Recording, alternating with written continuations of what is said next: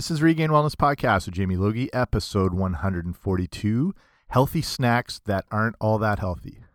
Hey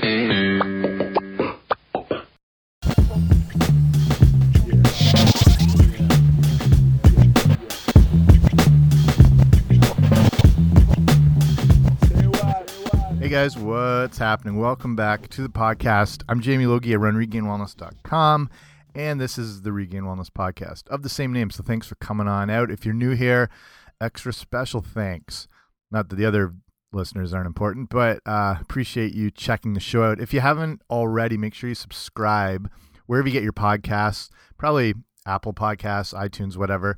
Um, but however they get delivered to you. If there's a podcast fairy, they end up under your pillow You find them in the woods, wherever. Make sure you subscribe. That way you get them automatically sent to you each week. And this episode is so I was watching the other day, one of my favorite uh, episodes of Seinfeld, just using the intro there, was the one with the non fat yogurt. And they all start gaining weight from what's supposedly a non fat yogurt and they think it's healthy and it's during the New York elections. And if you've seen that episode, you remember how it impacts the influence of the voters on uh, Rudy Giuliani and the whole. Yeah. So that just got me thinking about this idea of kind of unhealthy, healthy foods. So when I, I'm saying healthy foods, I'm using air quotes, which you can't see right now, but I'm using them when I just say healthy. So we're looking at things that are either thought of or promoted as healthy and they might not be the best option. So I'll look at a bunch of different things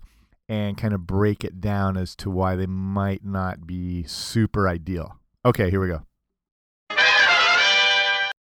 So the first one I'll start with is something I've covered on the show a lot and it's probably the king of all, you know, considered to be healthy options or alternatives and that is diet sodas. So whether it's diet coke, that I mean that's going to be primarily the big one. Any form of a diet drink or a diet soft drink. And on on the surface this looks like obviously an ideal choice because there's no sugar, the, the what what harm can come from it. And I'll touch on it a bit here. I probably my favorite podcast I've ever done and topic is the whole issue on diet drinks and aspartame and artificial sweeteners. So I recommend I'll have some different episodes linked up in the show notes today, which is just going to regainedwellness.com slash 142.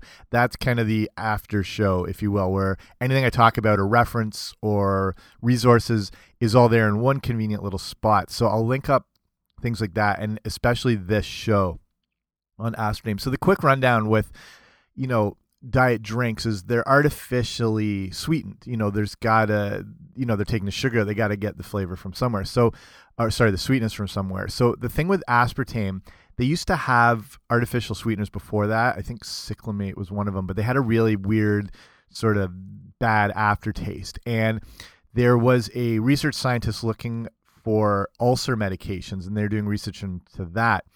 And he was using like different concoctions of substances trying to come up with it and still had some on his finger and licked his finger to turn the page in a book and noticed how sweet it was. And that was kind of the birth of aspartame. And, you know, the first alarm right off the bat is that it was, you know, they were trying to discover a medication and they found this thing kind of completely by accident. So they sort of sat on it for a while. And then somehow the idea was, you know, there was a, a market and a need for an artificial sweetener and so eventually aspartame sort of got onto the mainstream a little bit but it actually started out really slow. It was in um, things like you know chewing gum or the odd cereal or you know just nothing big like that but it was diet coke which first came out around in the early 80s like i think 82 or whatnot. And that obviously just exploded the growth of the use of aspartame specifically not just artificial sweeteners and it just skyrocketed from there. And then you saw, you know, additions of like sucralose and things like that. So the problem with, so I won't go too much into it. The problem with an artificial sweetener in a diet drink is they can still actually make you crave sugar in the long run. When your body drinks something sweet, it believes it's going to get the calories that are associated with that sweetness.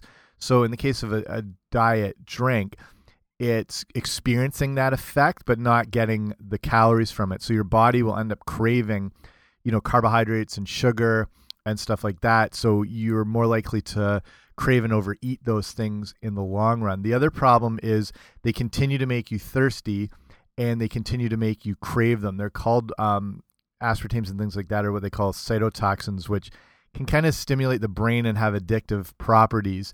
Again, making you crave. You know, if you've ever had a diet drink, like the first sip is tastes like the best thing in the world, like a diet coke, and then it just it gets worse, but then you're craving it not too long later. That's sort of that effect happening. So not only are you continuing to crave it, but you are now craving the sugar which your body believes it deserved. And then on top of that, there's, you know, ideas and, and links and connections with you know potential cognitive functions and aspartames and chemical sweeteners are, are seen to disrupt your gut bacteria and can throw that out of whack, which can, you know, really throw your body off kilter as far as, you know, various, you know, inflammations. And then if your gut bacteria is out of balance, that's got a lot of roots in a lot of diseases and conditions and whatever. You want obviously more of those good bacteria, and the chemical sweeteners are seen to really throw that balance off.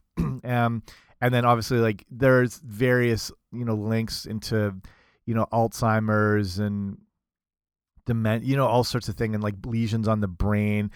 Like again, check this podcast out because I have way more deeper information. Enough, you know. There's various information out there as far as uh, you know. Some will say it's not too bad, and some will say it's terrible, and you kind of have to look at some of the sources. A lot of the funded studies when you see something like, oh, it's, you know, sugar's not that bad or artificial sweeteners aren't that bad, look deeper and you can find who's funding a lot of these studies. And a lot of times it's actually the industries um, that are behind it and that produce this stuff. And just the creation of aspartame in general is just one of the shadiest things as far as you know getting it approved for government um, you know regulatory commissions and how it was to be marketed and even though there were scientists that said no we can't have this stuff it's it's a brutal story into the history of you know people not being in you know not having your health in their best interests and artificial sweeteners are sort of at the top of the mountain of this whole thing.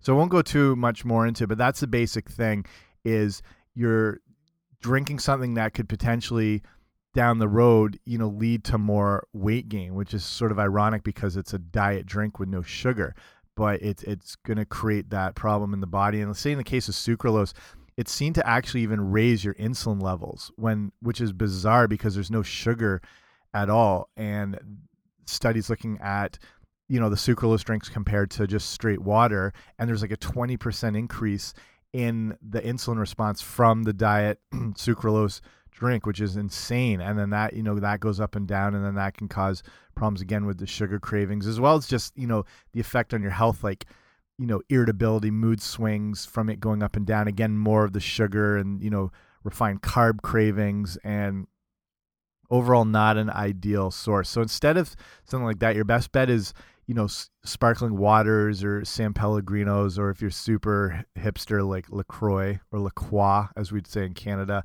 um, or uh, you know any sparkling water if you crave that fizz or the, you know that carbonated feel, uh, the bubbles. You know, just add in your own lime and lemons and stuff like that. So not going on too long, but that's the first one to look at. Is probably one of the, the top uh, unhealthy products that's considered the healthiest. The next thing is going to be those little, you know, 100 calorie snack pack things. Sometimes, I mean, there's a ton of different ones out there. Right off the top of my head, I'm thinking like those Oreo thins. I don't know if you've seen those before. And they're these small little packets and whatever, and they're for whatever brand or product, and they're said to only contain 100 calories, which is all right, but it's as a healthy alternative, it's not a good go to for a few different reasons. First, it's still a manufactured and refined product coming from unnatural sources. Sure, it might be lower in calories, but there's nothing in there that has nutrition in it. So when they're taking out, you know, to lower calories and things, they usually take out fat because it's a higher calorie source, and they'll replace it with sugar, high fructose corn syrup, which is cheaper to use and manufacture and leads to a longer shelf life. And if you picture these you know Oreo thins or whatever these packs, you could essentially leave them out for two years and they're still going to be the exact same. They're not going to break down. They're not going to rot. There's no what they call biological value in it. Um, that's going to lead to it. I mean, you want to eat food that can spoil and go rotten. That means it's got that biological value. So it has that high nutrient value and macronutrients and micronutrients, and it's going to break down. And that's what you want it to do to be digested and absorbed better. When a when a thing like say like uh, one of those cookie things or like McDonald's fries. You can find them in the back of your car from a year ago. They're exactly the same because there's absolutely no living enzymes, sorry, in that food, which makes it beneficial for your health. So with those snack pack things, there's there's zero nutrition. The problem is it's also got a little bit of sugar you know it, it's relatively low in calories but it's still going to contain sugar and it's primarily going to be made of sugar. So it's not going to satisfy you and it's probably going to make you hungrier in the long run because you have this quick shot of sugar. Uh, blood sugar rises it's going to drop later you're going to have more of those cravings. And then the big th issue i have with these things is because there's no nutrition in it the act of eating, your body assumes that nutrients are going to come, or else why would you be eating? So it's eaten something, but it's gotten zero nutrition from it. So your body is still hungry on a cellular level. It still needs those nutrients. So even though you've eaten something that's you know supposed to stave off your hunger, it's a snack. You're going to end up craving more food, and then when you go to eat again, you're likely to overeat and eat more because your body's just sort of out of whack because it's been going through the mechanisms of eating and digesting but receiving no nutrition. So these snack pack things, these little low calorie whatever are going to make you again hungrier in the long run. It's like you're probably better off eating a piece of cardboard. There's at least maybe some fiber in there. And it's these packs are completely devoid of the things that promote fullness and satiety and you know provide the nutrients uh, with them, which is going to be water first off. I mean, most, you know, foods and vegetables and whatever 70% water, and that's what helps make us full. And then fiber, and then you've got protein, and then healthy fats. And those all, if you can have all those at the same time, that's what's going to nourish you and keep you full. And those snack things, whatever, are not, they basically have none of those things in them no protein, no fiber, no healthy fats, or anything. So, again, you might be satisfied for 15 minutes, but it's not real nourishment. So that's my issue with those little healthy alternatives. The next unhealthy, healthy food, this is going to be a bit of a weird one, but I'll explain why. And it's going to be guacamole, which is something I love more than anything. And avocados are super healthy and they're filled with a lot of uh, you know high quality healthy fats that we need again for you know everything from just building hormones and cognitive function. And again, like those things keep us full. The only problem we run into here is when you make up guac, it's still going to have good ingredients in it. I mean, from the very basics, you can just throw in some lime, a bit of sea salt, and that's perfect guac. And then, you know, you can step it up by adding in a little bit of salsa or, you know, chop up some cilantro and it's still going to contain a lot of healthy ingredients. The problem is avocados are so nutrient dense as far as fat. And if you're having, I mean, I don't know, just, you know, two or three tablespoons worth, it's, you know, you're looking at like 40 calories per each tablespoon. The big issue is you don't just eat guac on its own.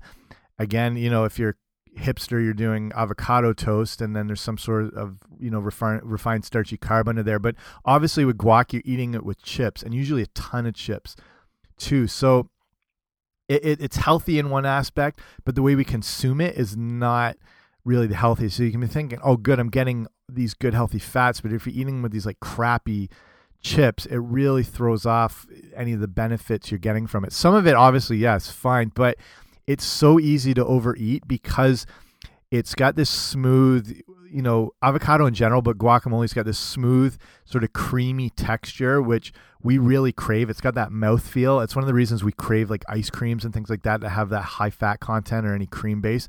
And avocados have that, especially when they're sort of mashed down and whatever. So it, it, it's not like it doesn't take a lot of effort to eat and digest them. You're not breaking down. It's not like you're chewing up an apple. It's it's quick bites and it's down. So it's extremely palatable and very easy to just eat very fast and then not realize how much you've actually taken in. So you're not full till it's almost way past the point.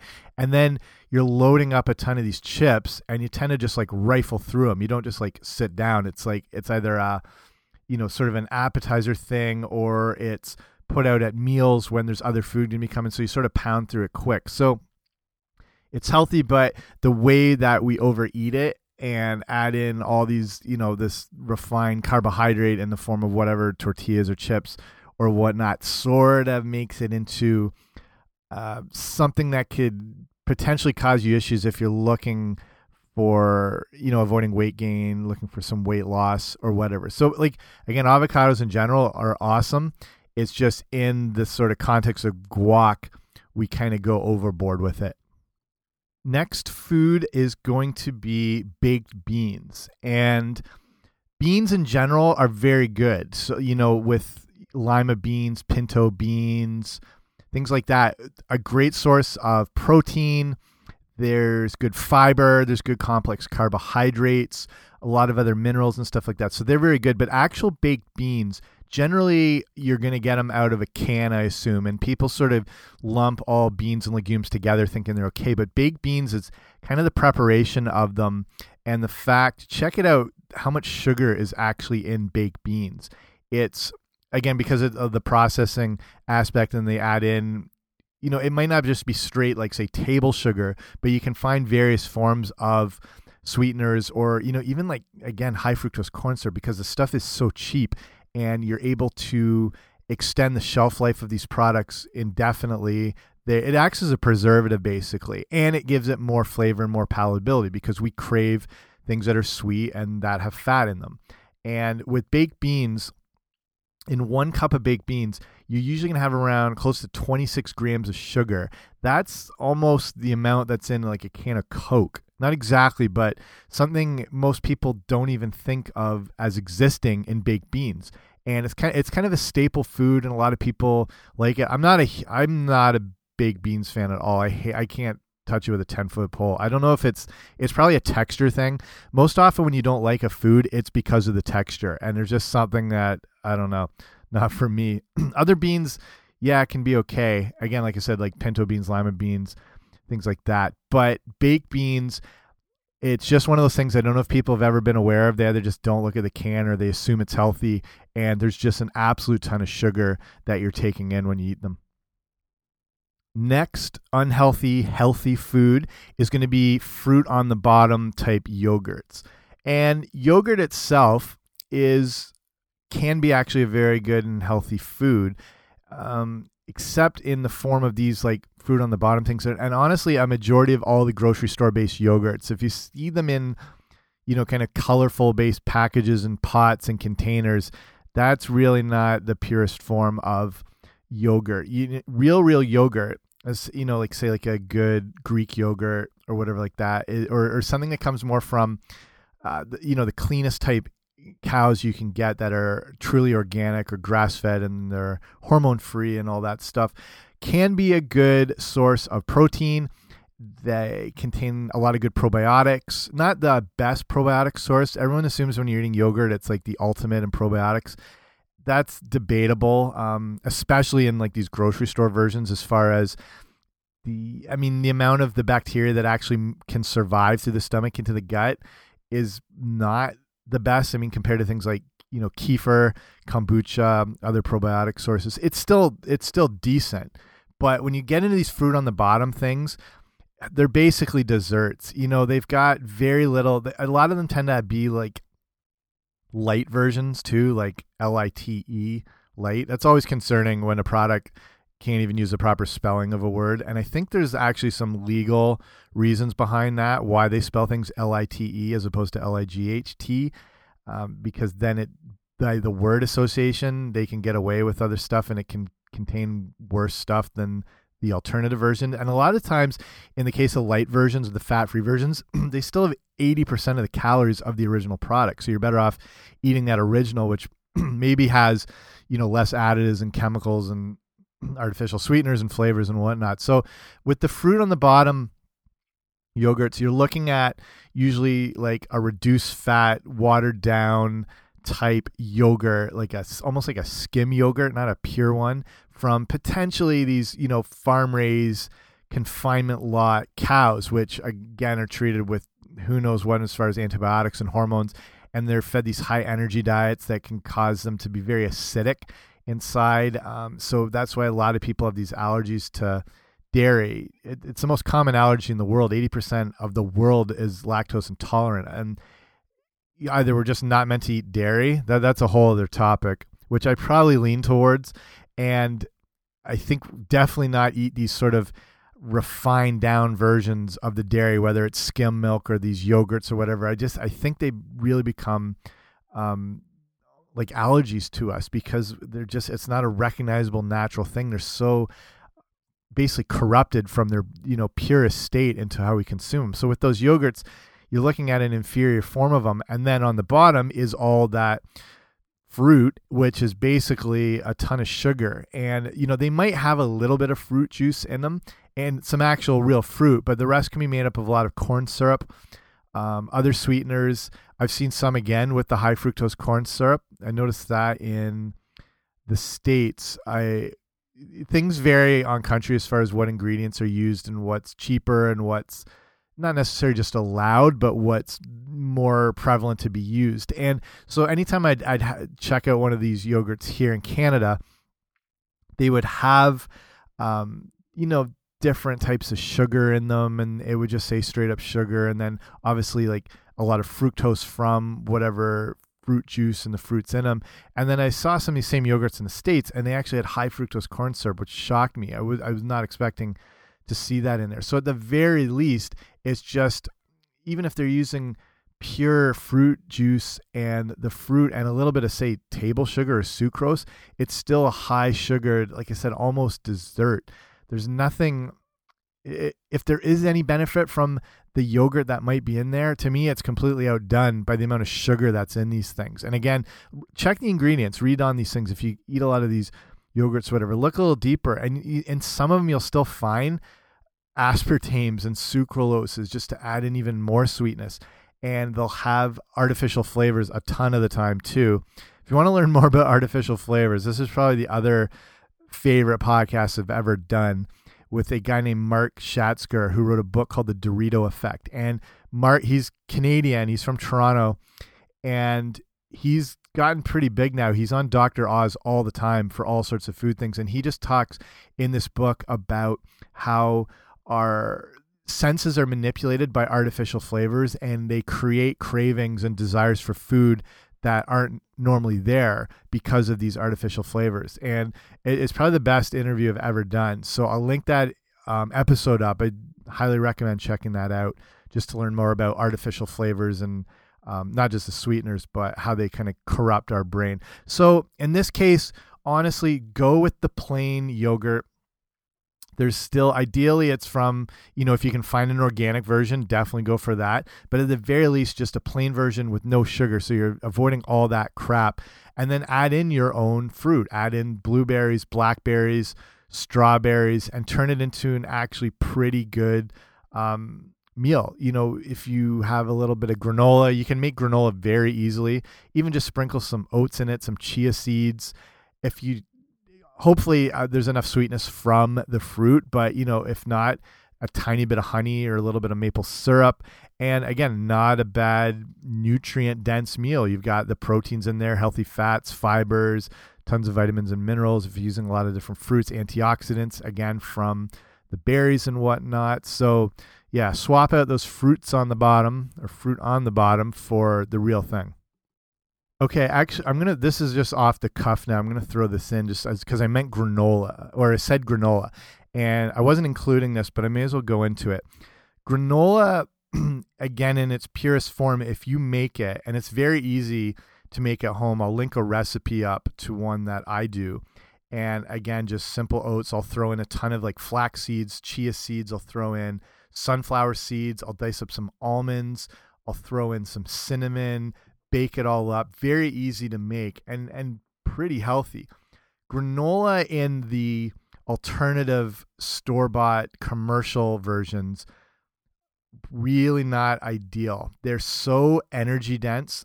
Um, and again, it's a massive source of sugar because a lot of the commercial brands will use uh, sugar again to make it sweet. Plain, you know, nuts and seeds and oats and stuff like that, they don't have a ton of flavor. If you start eating them regularly, you'll learn to appreciate those real flavors. But the store bought granolas that just come out of a box or a bag, people sort of linked up as being a healthy whole grain when, again, if you can find um, more organic, healthier versions of these that are out there, they're probably not too bad, but have a look on the ingredients because they use a lot of binders and stuff to sort of keep this all together, or it would be just this mess of seeds and oats and everything spread all over the place. So that that binding does use some different, you know, sometimes like corn syrups, normal sugar. Um, they'll use sometimes like molasses high fructose corn syrup can make an appearance and stuff like that. So the sugar content is usually super, super high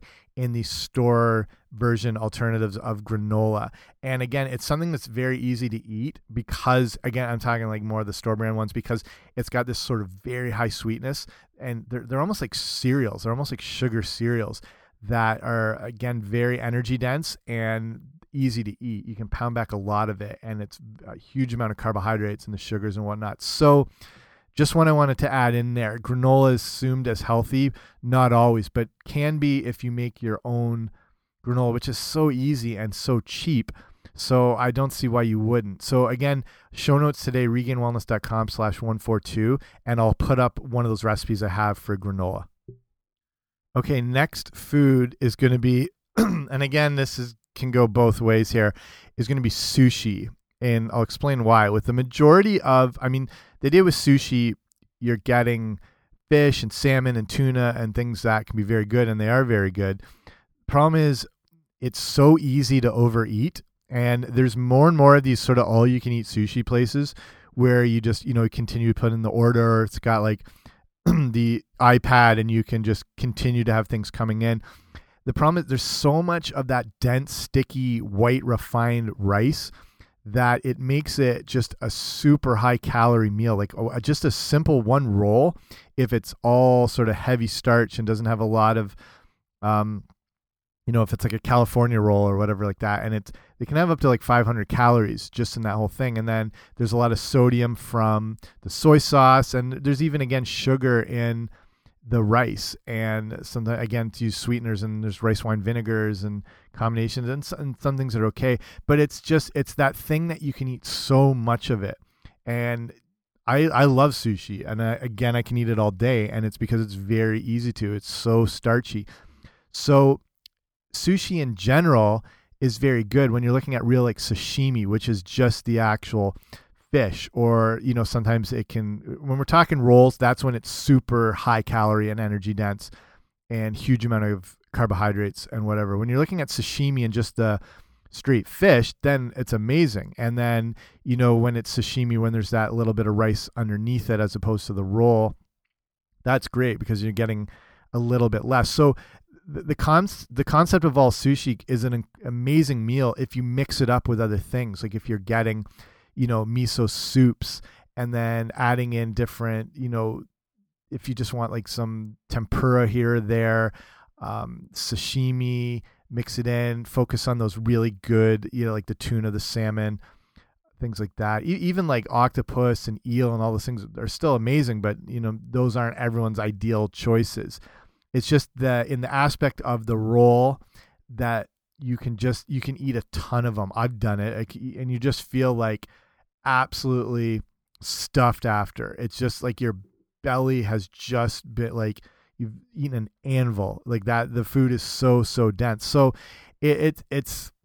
you know in this situation here, I'm saying it's healthy and it can be unhealthy at the same time. So you're with sushi, you want to make the best choices possible and kind of limit the negative side of the meal, like with the the heavy heavy rolls and going overboard with it.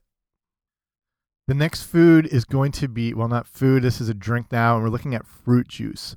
And it's hard to think that, you know, something that's natural can be unhealthy. And in the case of fruit juice, it is. Even if it's organically grown, high nutrient.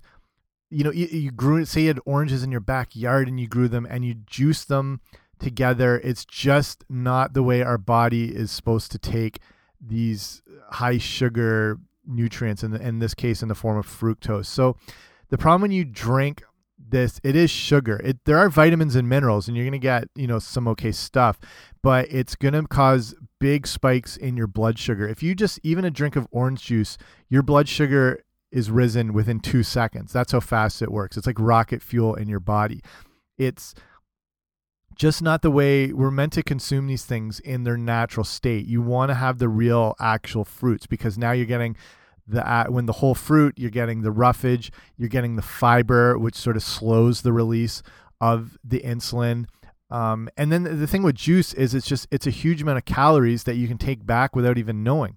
It's easy to drink uh, there's no there's nothing to sort of slow it down and fill you up and you've taken this huge shot of sugar and huge amount of calories in the time it would take I don't know, it could take 20, 30, 40 minutes to consume that amount of juice, but in its fruit form. And you'd get full naturally because of the natural fiber and the roughage that's going to fill you up.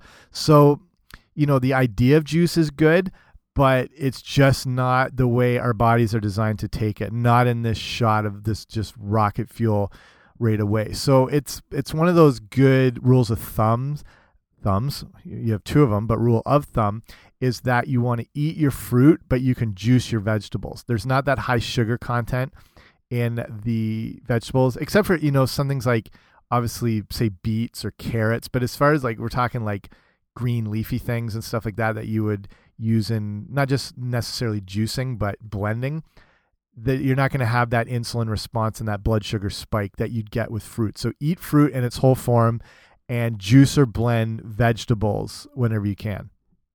The next unhealthy, healthy food is going to be deli meats. And people are going to think that, oh, this is a good source of protein and it's come from a natural animal source and, and whatever, whether it's the ham or whatever. But is with the deli meat form, if you can find good, actual, say, like chicken breast or turkey breast, where you see them slice it up off a real roasted chicken breast or whatever, that's different. But when we're talking deli meats here, they're kind of compound. It's like when they take particle board and and sawdust and make it into like a solid plank or whatever. That's the case with these deli meats. So in the case of like chicken, they could take a lot of different sources, sort of ground it up. Then there's a lot of fillers, sodium, chemicals, additives, and whatever, and it's all pressed together into like this round globe of chicken, which is really not how they come.